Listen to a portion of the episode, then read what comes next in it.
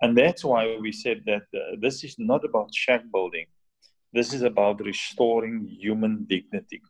You are listening to the first English speaking episode of Portrettpodden, a predominantly Norwegian speaking podcast where I, Mats Youngwas, interview people who inspire me, who makes me think, and who makes me understand a bit more of the world we're living in.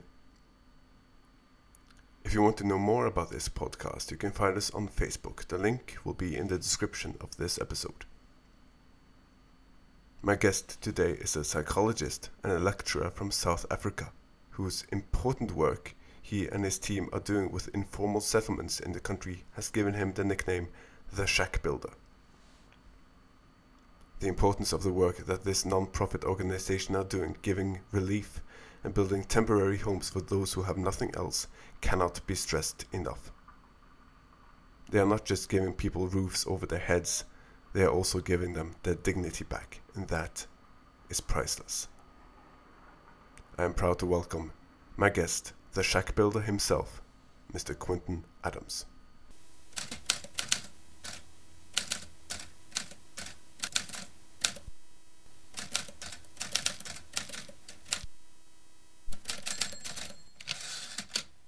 18 years ago, I've started to um, I've started a project in an informal settlement, and I'm busy now for the past 18 years with this project where I'm doing interventions, research, and I also publish and write about the project.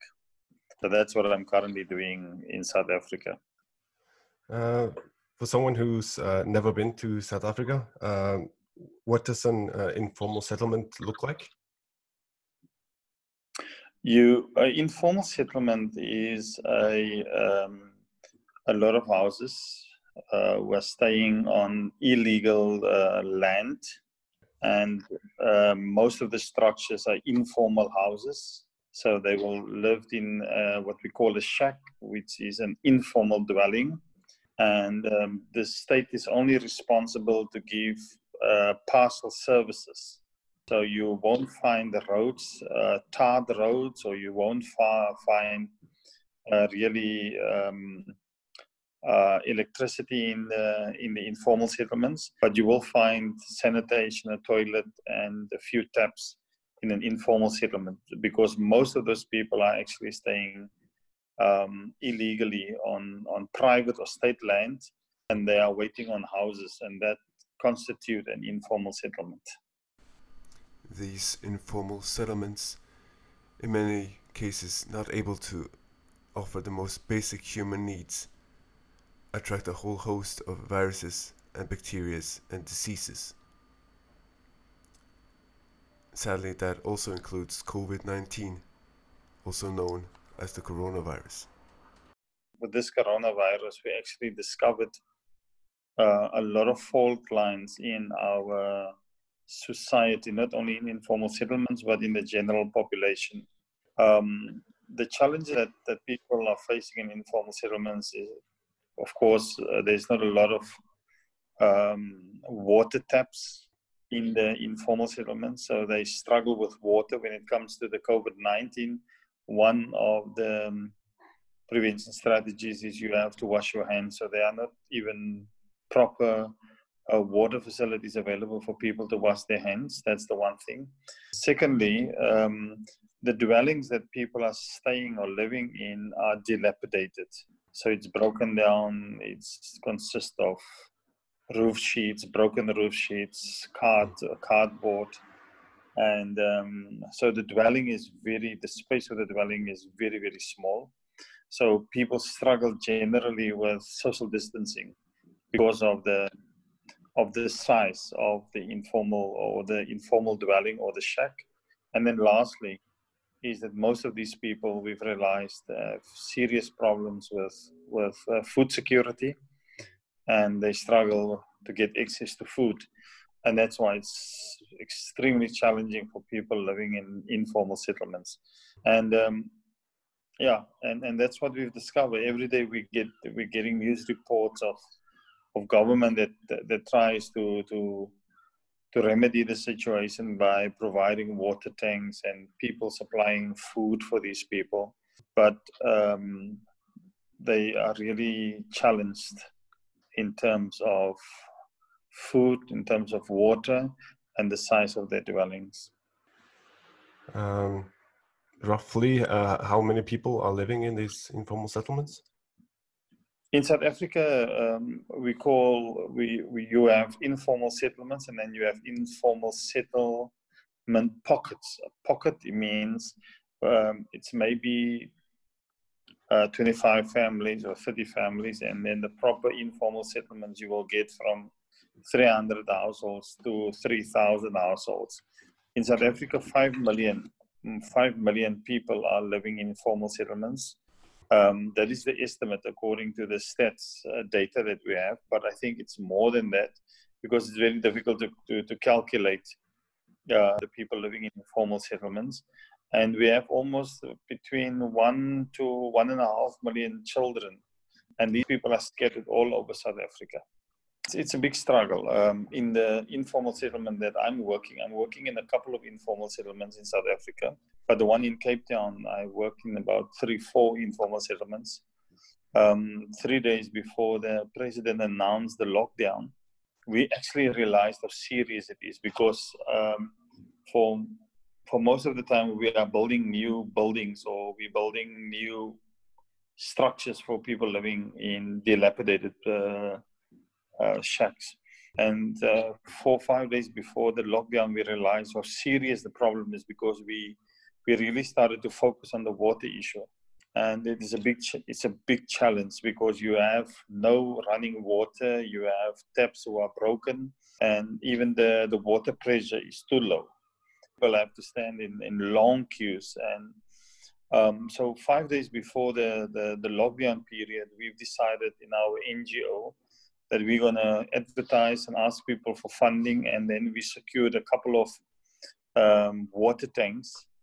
And um, I think it was just in time for that one informal settlement. But you must also realize there are about 600 households, about plus minus 3,000 people, and the water is not really working. And we secured about 7,500 liters um, of capacity for people living in that informal settlement. And after we've posted it on social media, we we received so many requests all over South Africa. We are in dire need of water, yeah. and um, and I think what what is happening besides the COVID and pandemic and the threat of the virus, people start to realize how dire and desperate the needs are really in these informal settlements and and we are working every day in these conditions.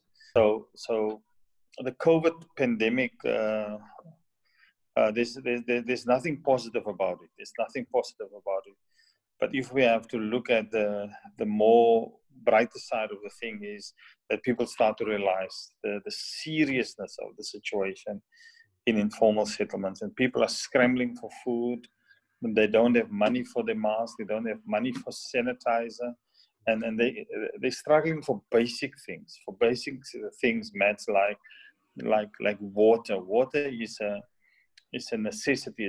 They're scrambling for for food and um, and of course shelter because they don't have proper space. So it's very difficult for them to manage social distancing in the informal dwellings. How did you uh, get involved with uh, the, the shack builder yeah, I was. Uh, I'm a psychologist, and uh, when um, when I started in my career, I always knew that I'm not going to start a private practice. I want to do more systemic work. I want to work in systems. I want to work in community. I want to work broad based. I want to work with uh, vulnerable groups, and I want to um, impact not only the, the lives of people who are living in vulnerable communities, but also have an impact on policy and on government and the way people uh, um, deal with these uh, vulnerable communities. So 18 years ago, I've started uh, the project in the informal settlement with, with kids.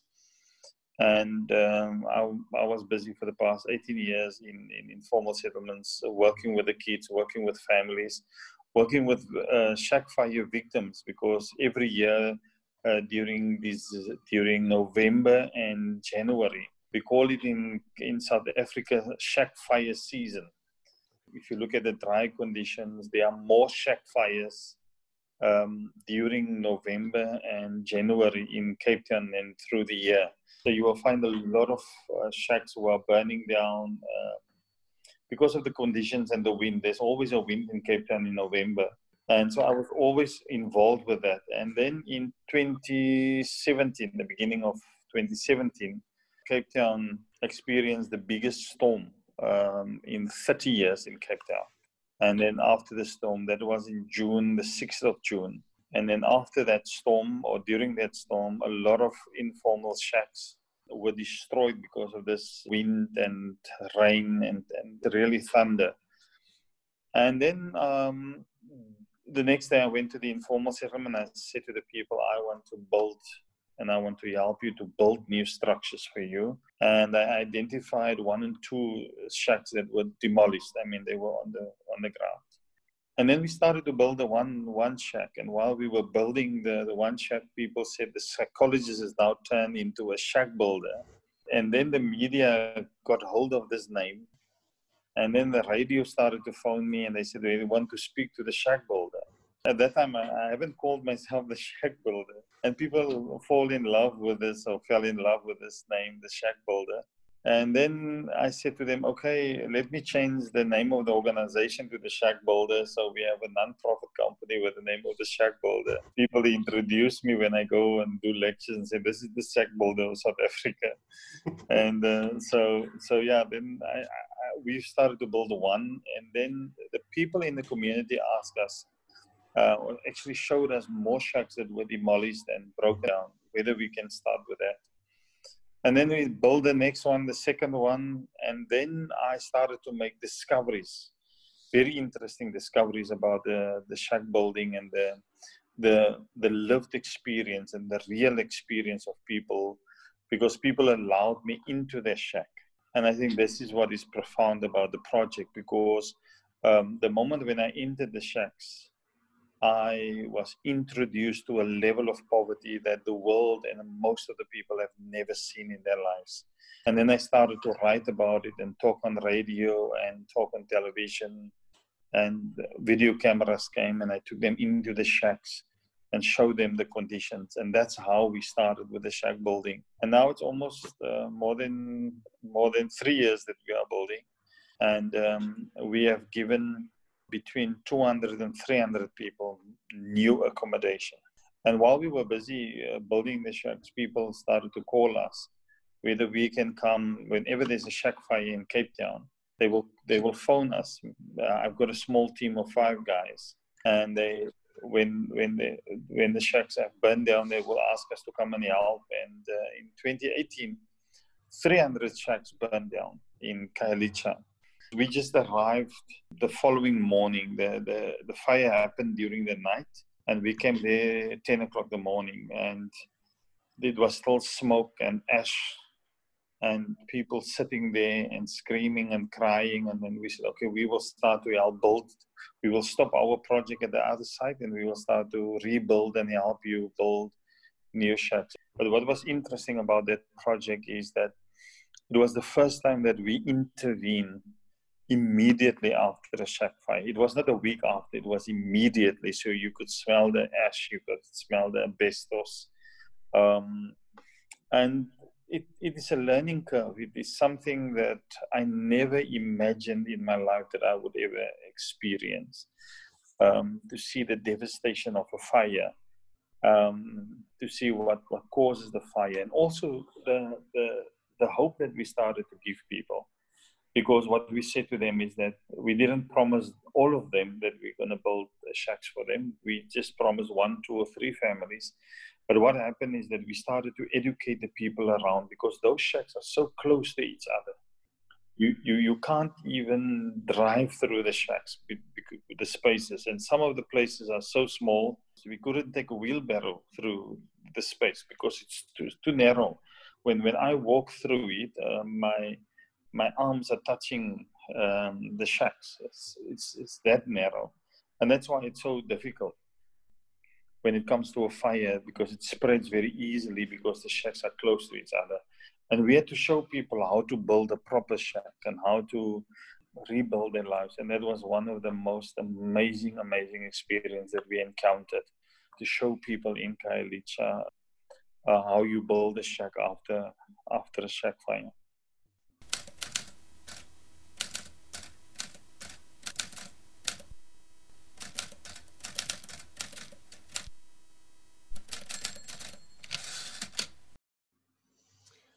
What uh, what what does these uh, shacks uh, look like?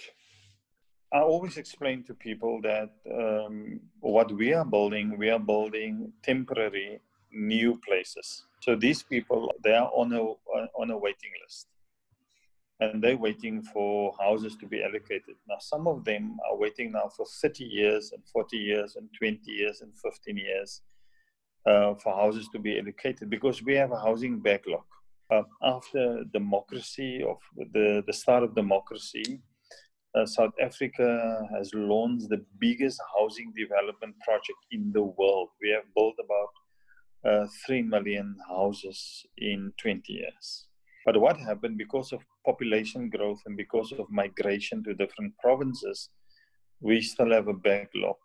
We have a huge backlog of 600,000 houses, families waiting for houses just in the in, in the Western Cape. Um, and where does those people live? They live in informal settlements and they live on other people's properties. Um, we call them backyard dwellers. So that's that's why you have all these protests um, in South Africa, here in South here in Cape Town and, and Johannesburg. I think the backlog in Johannesburg is about one million households um, people waiting for, for, for houses. So that's why I said it's a it's a it's a melting pot. It's a it's a it's a restless country because of the the housing. What we will do is we will identify the most severe dilapidated shacks. Now a shack consisted actually or consists actually of waste material. It is not proper material. It consists of wood it consists of old um, roof sheets. It consists of plastic. It consists of cardboard. And it consists of tires. So, what people will do is they will build just with beams or timber, and then they will put some old plastic there and cardboard. And just by the explanation that I'm giving you, you can realize it's highly flammable. And then the, the one thing that we've discovered is that most of the shacks doesn't have windows. It is just one room, and if there are windows, then the windows can't open. Now this uh, actually has a serious problem because it means there's no air ventilation. So when you go into those shacks and there's no air ventilation, it means the air becomes stale, and then it starts to develop terrible foul smell. That's besides the, the mold. Then the second thing that we've discovered when you enter the shack, because of the darkness, there's no windows, you will get rats within the in the shack because they're coming for the food in the night. And uh, you, when you move those beds, you can you can smell that the, the red urine, the red droppings, uh, some dead rats and it is the most inhumane conditions that you can ever imagine that people are living in those shacks. And then you they have this disposable toilets. So they use the toilet in this vicinity and uh, some of those toilets are, are, leaking. We call it a porta porta now it is one room. When you want to go to the toilet in the evening irrespective of how many people are staying you just use that porta porta now that that urine smell of that porta porta combined with the red droppings and the urine and the stale air smell, it, it, it combines that air. And that's why people have such a high rate of tuberculosis in our country, and especially in these conditions, because the, the, the tuberculosis concentration thrive in those conditions. And what we've discovered is that in terms of the rats, some of the children are even scared for the rats because the rats come comes in in the middle of the night for the food, run on the beds, come for the soft tissue of the children. The, the children are really scared for, for this. And then that's why we've decided uh, what we're going to do is we're going to break down the shack. We're going to demolish the shack and then we're going to build a new one. So what we are doing, we're building three by three meter, so it's nine square meter room. Um, we usually build three rooms. So it's a nice room where they can have a kitchen.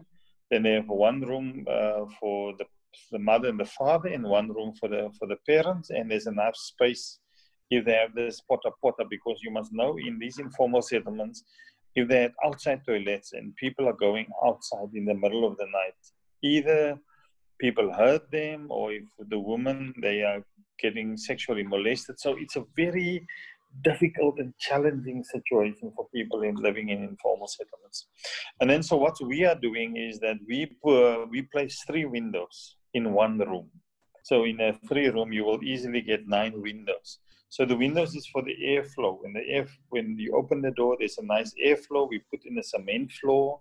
It's very high, and then very important, the roof has a fall. So when the water comes, there's an easy flow of the of the water. So when you when we finish, it is a nice place to stay. I will stay in that place. I mean, it's so nice and so neat. And um, what happened then after we finished with this place? Then we hand over the the key to the people. And you know, Matt, what is interesting about that is, is the comments that people are giving. They cry, they cry, they're very thankful, full of gratitude. And most of them said, we feel like human beings again.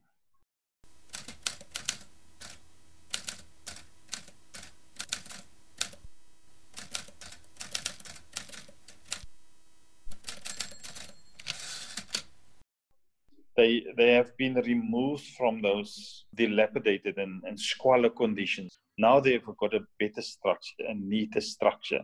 And that's why we said that uh, this is not about shack building. This is about restoring human dignity. Human dignity is at the core of this project because of the squalor conditions that they're living in and the dilapidated. It breaks down their, their self worth, their, their, their dignity. They feel less human and and that's why people are so excited about it because what we are doing we are changing the the circumstances and conditions of these people in in informal settlements. It, it tells us what they needed. They just needed the support the scaffold the structure to help them to give them a push in life. Three months ago i i walked through it and i said but there's something different going on here. And they're putting up new fences now. You won't believe it. These were people that lived in squalor. They lived in one room. It's dark in the night. It's the smell is unbearable.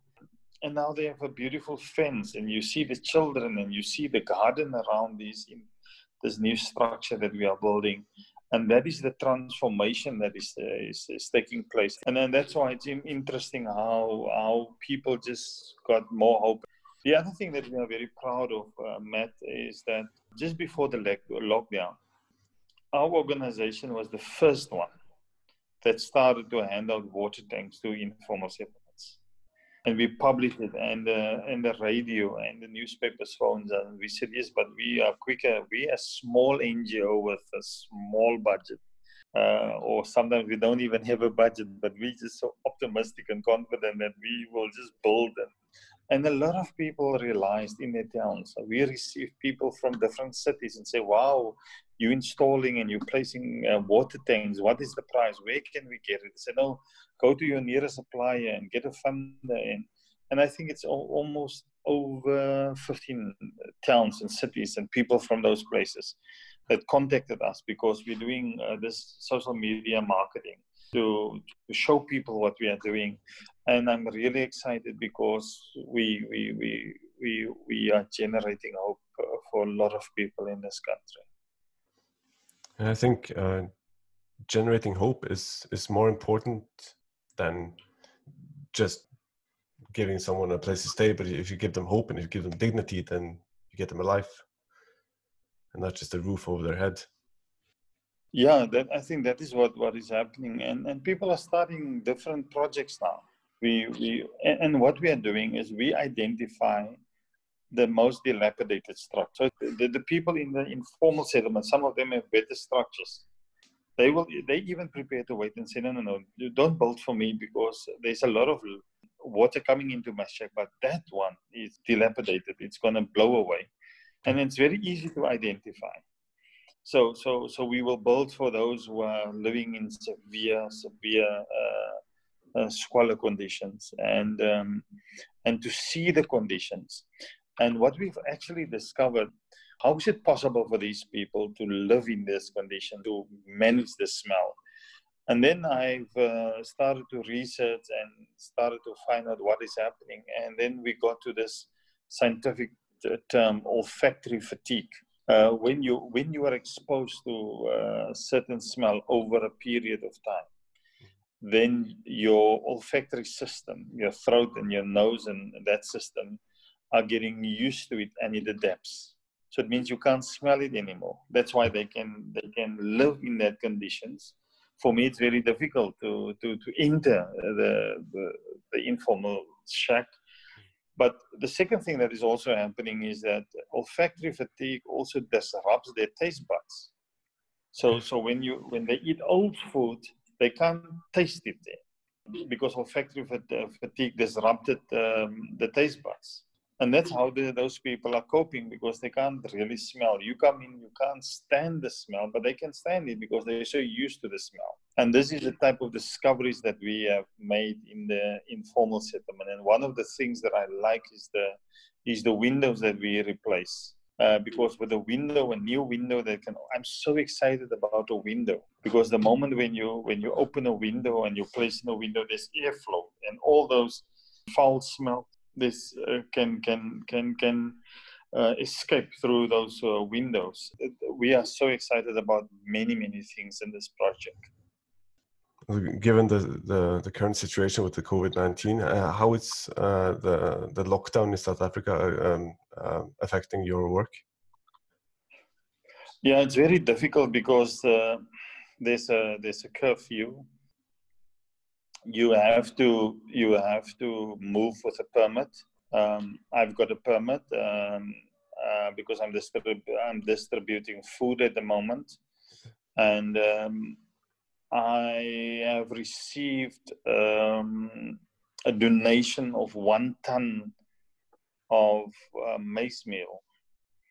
And so we're handing out maize meal now to so many people, including the informal settlement and I think the donation is we're gonna get about five ton of maize meal for the next three weeks because the president has extended it. So it's very difficult because most of the we can't build at the moment because most of um, the timber and the roof sheets, those places are not essential services.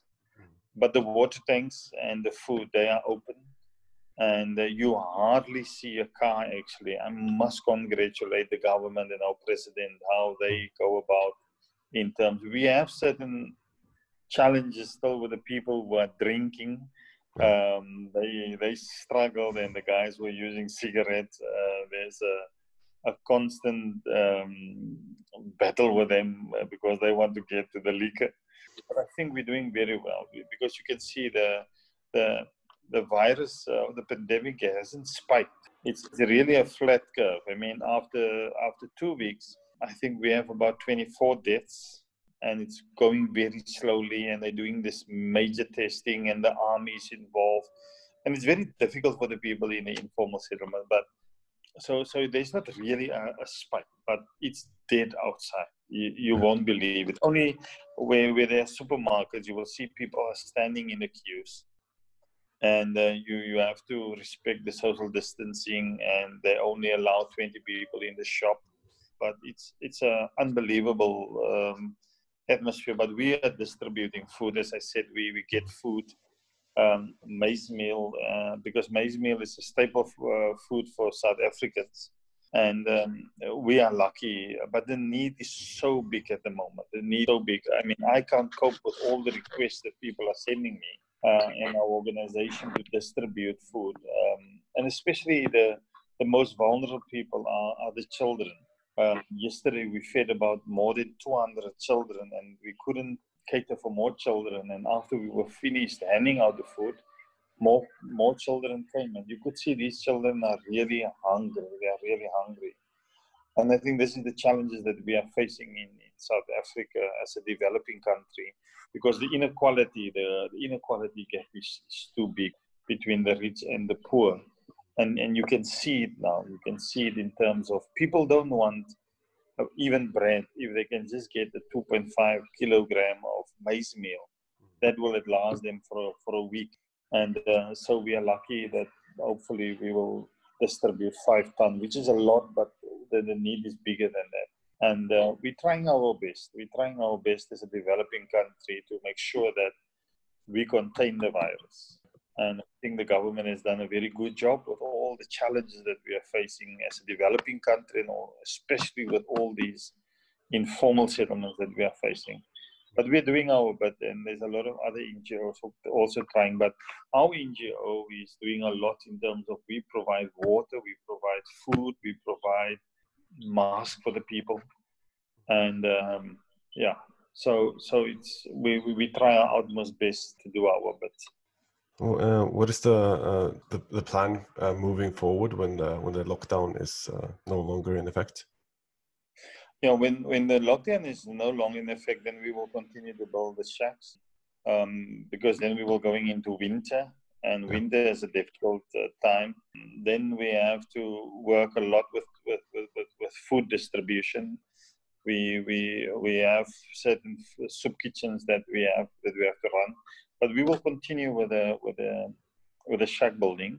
We have about five sites that we are building at the moment. So it's a it's it's a, it's a really a, it has become a big operation now. We're building in the north in uh, three informal settlements, and uh, send them the plan. I've sent them the, the the way how we build and how quick we can build. And um, we're building in three places now in, in Cape Town. So it's about five places. So we will continue with with that.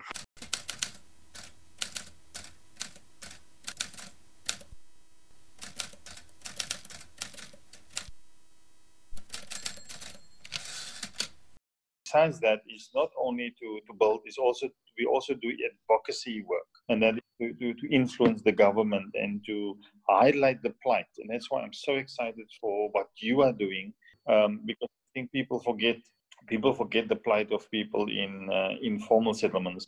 Now, with, with this COVID 19, we've actually realized we cannot ignore what is happening in Wuhan because the epidemic can actually start any place. You, you can live in Norway and, and, and something is happening in, in northern Russia in a small town. People ignore that town. But now we've, now we've realized that in terms from a, a, health and epidemic perspective, we cannot ignore what's happening in the world anymore. If there's something going on in Indonesia, uh, we, we, we want to send our public health officials and say, hey, what is going on? Is that a new epidemic? What must we do? So, so I think they will, uh, people will become more aware of what, what is happening in other, in other areas because we, we with epidemics and with the viruses, we've seen it now. I mean, the, the entire world is shut down. Airplanes are on the ground. So, so I think there will be more more emphasis on let's let's help these these areas and let's see what we can do because anything can happen. A, a new virus can break out in the informal settlement where I'm working and, and, and, and it will reach China and it will reach America and it will reach everyone. So people will be more concerned in a way about viruses and epidemics because we've, we've seen it now. I mean, no one is exempt from it.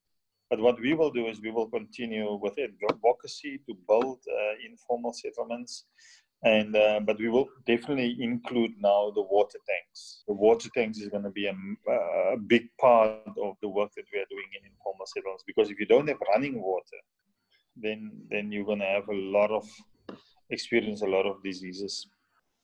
How is uh, um, uh, the government uh, treating this project? Are they uh, helping you, or are they no, they they they don't help in terms of funding, but they help in terms of of we need to have get permission to build. If we don't uh, if we don't get permission to build, uh, they can stop the project. Uh, that's what happened in the, in the in the beginning. They stopped the project because they said we weren't We, we didn't inform them about the project. So in, in, in terms of that, they supporting the project, but not in terms of funding. We have to raise our own funding and we have to speak to individuals. We have to do fundraising to make sure that we get the funding. And that's why we try to go through media. So, so government doesn't give us any funding because the problem is so big. It's, it's really big. I mean, if you talk about 600,000 families waiting for houses, uh, which means they live in in informal dwellings in the in the Western Cape in Johannesburg, which is the industrial city. The backlog is one one million households uh, waiting for for for houses. Now, what we need to solve the problem from a financial point of view is we need about 96 billion rand uh, to solve the problem. But what our project is doing is our project tries to place an emphasis on the plight of, of people in informal settlements. That's why you mm. will find us in the media, you will find us on the radio. The story is the same every time on the radio, on the television. People are suffering, people are dying because we experience a lot of deaths in, in the project, especially children and, and adults. Two people in my project that were part of the project, they passed away and then we use that uh, to highlight the plight of people living in informal settlements because we do know of countries where there are no informal settlements. So it is, as Nelson Mandela said, poverty is a man-made construction, and it, it's human beings that, that can reduce it. So, so we are on the forefront of highlighting the, the project. Um, the mayor of the city knows about the project. The premier, premier and the minister knows about the project and we are highlighting it. And, and I think the one benefit, or there are other benefits also, but the fact is that I'm an academic and I can write about it and I can speak about it. It's not a normal NGO that doesn't have those capacities and, and skills. So I can go on radio, I can speak about it, I can write about it, and uh, I've just finished an article now on the water crisis in informal settlements, and it's spreading now, it's spreading to people. So uh, we're saying we need more water tanks um, because there are, are taps, but the water pressure is too slow. But if you can fill up a tank, people don't have to struggle to get the water. Um, yeah, so so we will continue with that job until we we see significant policy changes and government interventions in the project. You said that uh, the, the government will, will uh, allow you to, to build, uh, but they don't give you funding. Uh, how much does it cost to build one shack? To build one shack, a three room, it's about 17,000 Rand to, to build one shack. And um, the cost is very low. The cost is very low. 17,000 Rand is extremely low. So that, that, that is the cost of a shack and it takes us about three days to put up. And it's a solid structure. It's a solid structure. It is roof sheets and it's timber that we are using, and then we also put on a paint, and that is to it's it's a heat resistant paint. So so when you put on the paint and you put on the Durafoil underneath, then it's actually cool inside. In the winter it's warmer, and in the summer it's cooler. So it's a very very good structure, and the cost is seventeen thousand rand check. How um, you say you're a non-profit organization, but uh, how, do you uh, uh, get the money to to keep building the shacks?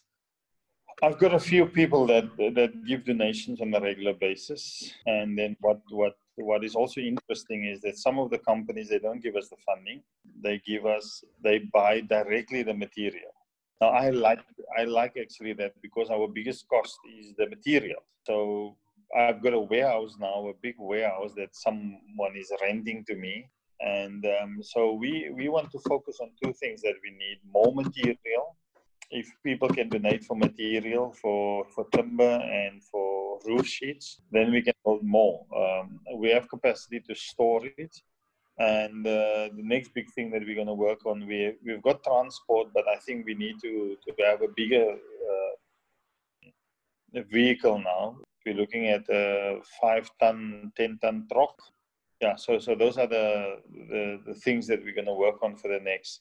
But we get if we can get material um, like roof sheet and timber, then we can just build more more shacks for people in informal settlements.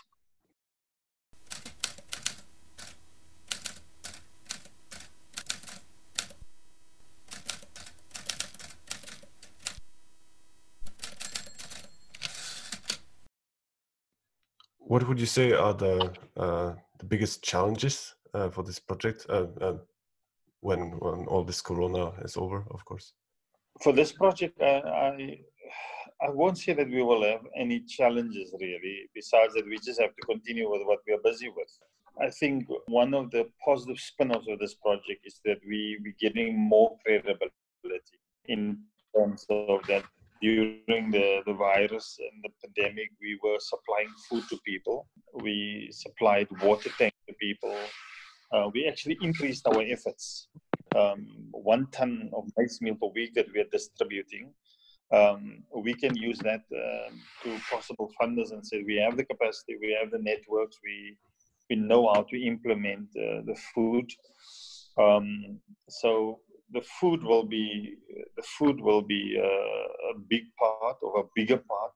And the water tanks will be a new thing because we have to focus on that. And then we will continue with the shack building.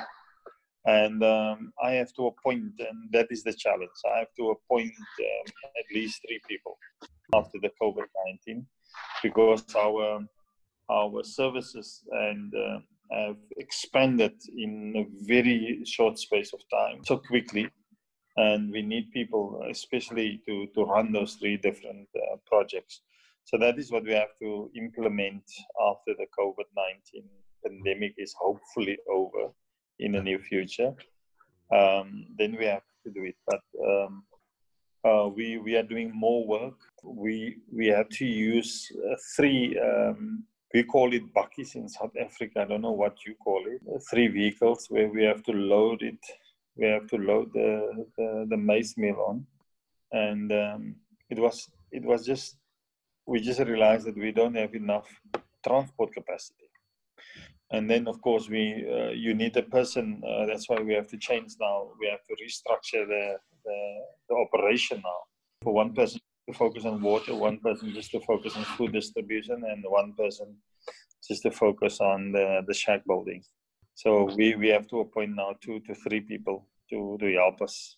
And it's exciting. It's a growing project, and we are on the front, forefront of, of of making things happen, and, and that's mm-hmm. that's the exciting part, Matt. Uh, it's we. I'm not going to call us frontline workers. I think the health workers are now frontline workers, but we are definitely frontline in terms of informal settlements and what's happening. It's very difficult. It's very complicated, uh, and it's also very dangerous. Um, you have to analyze, you have to work closely with the community, and uh, there's a lot of criminals hiding in those uh, complex uh, dwellings, and um, there's a lot of threat and danger, and people who are involved in hijacking and shootings.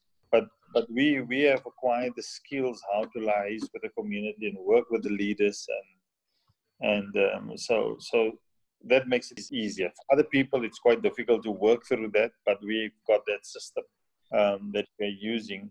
So we can just upscale now. Our biggest is to upscale our systems, upscale our our supplies and our our operations, how to do our operations. So yeah, I'm very excited about that part because we we we get the recognition from from the authorities for the work that we are doing, and that is actually excellent. How many people do you, uh, do you have a, a um, a number of how, how many people you have helped uh, with this project? Yeah, we have uh, helped between 200 and 300 people. It's about 30, 30 to 40 families.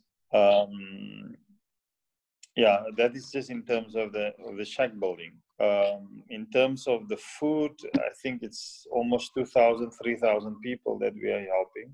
And now with this uh, four, four, five ton maize meal that, that we're going to distribute, I think it is going to be easily between five to ten thousand people that we're going to that we're going to fit, and then um, that's a lot of people because I just visited today one of the soup kitchens. Just on that one day, there were 200 people, and more people came. Almost uh, another 100 people came for the food. So they're going to get tomorrow. The the new people are going to get tomorrow. That is just one one soup kitchen, one uh, feeding scheme. I've I've got a list of about 15 feeding schemes, and and we're going to distribute all the food. So so in terms of the food, I think we're going to reach between five to ten thousand people, and then water. It's it's about 600 families because the capacity that we have instituted is about 7,500 liters of water. And then um, in terms of um, the shack building is about 300 people. Of course, we want to grow this project. We want to make it a bigger, bigger project. And, and, and the reason why we want to make it a bigger project is because we've learned such a lot in terms of the power dynamics. The power mm-hmm. dynamics is the biggest challenge that we have to face. If I can just briefly uh, explain to you and your audience what I mean with power dynamics, there are always a new committee forming every second week then there's a new leader. Then you you have to ask what happened with the previous leader. No, no, they had a meeting last night and they have got a new leader now. And then you have, uh, you cannot just go in and build. You you need to make sure that you you understand the power dynamics. Then you have to deal with um, the criminals in the in in the informal settlement. You need to know who they are. Uh, what are they doing? What is their operation? Then you have the people who are unhappy about the project. Um, they said they gave their name in uh, three years ago and they're still waiting for a shack, but their name is not on the housing list. Um, so you have to work through all those uh, problems, and that's why I said that when you want to work in informal settlements, you need to be a specialist not in building shack. You need to be a specialist in solving problems because when you enter there, you you're just facing with problems and complaints and arguments and uh, you you have to be clear about what are you going to do how you're you going to deal with the power dynamics. And, and and we've learned how to deal with it. we're not experts yet yet but we've we've learned over the years how to work with it how to work through it. And that's why because we understand the power dynamics we can expand the project. Because nowadays the the problem that we are facing is not a new one it's an old one so, so we definitely want to expand in terms of capacity, in terms of um, our delivery system, our transport system, our material, and also our human resources. If we can work on that, I think then we can build a much bigger, bigger operation that can do more work in South Africa. What is uh, what has made the, the biggest impression on you uh, during this work? There are a lot. There are a lot, but I think it is uh, you're working with a, a, population of people whose literacy level is very low. So they don't have the necessary vocabulary to explain their gratitude, but you can feel it. After you handed over the key, the hug that they gave you, how they greet you in the morning. And very interesting, when I walk through that informal settlement, you hear how the how the children calls your name. You you you you, you you won't even see them. They're sitting somewhere and they will call. They call me Uncle Quentin in the informal settlement, or some of them call me Brother Quentin.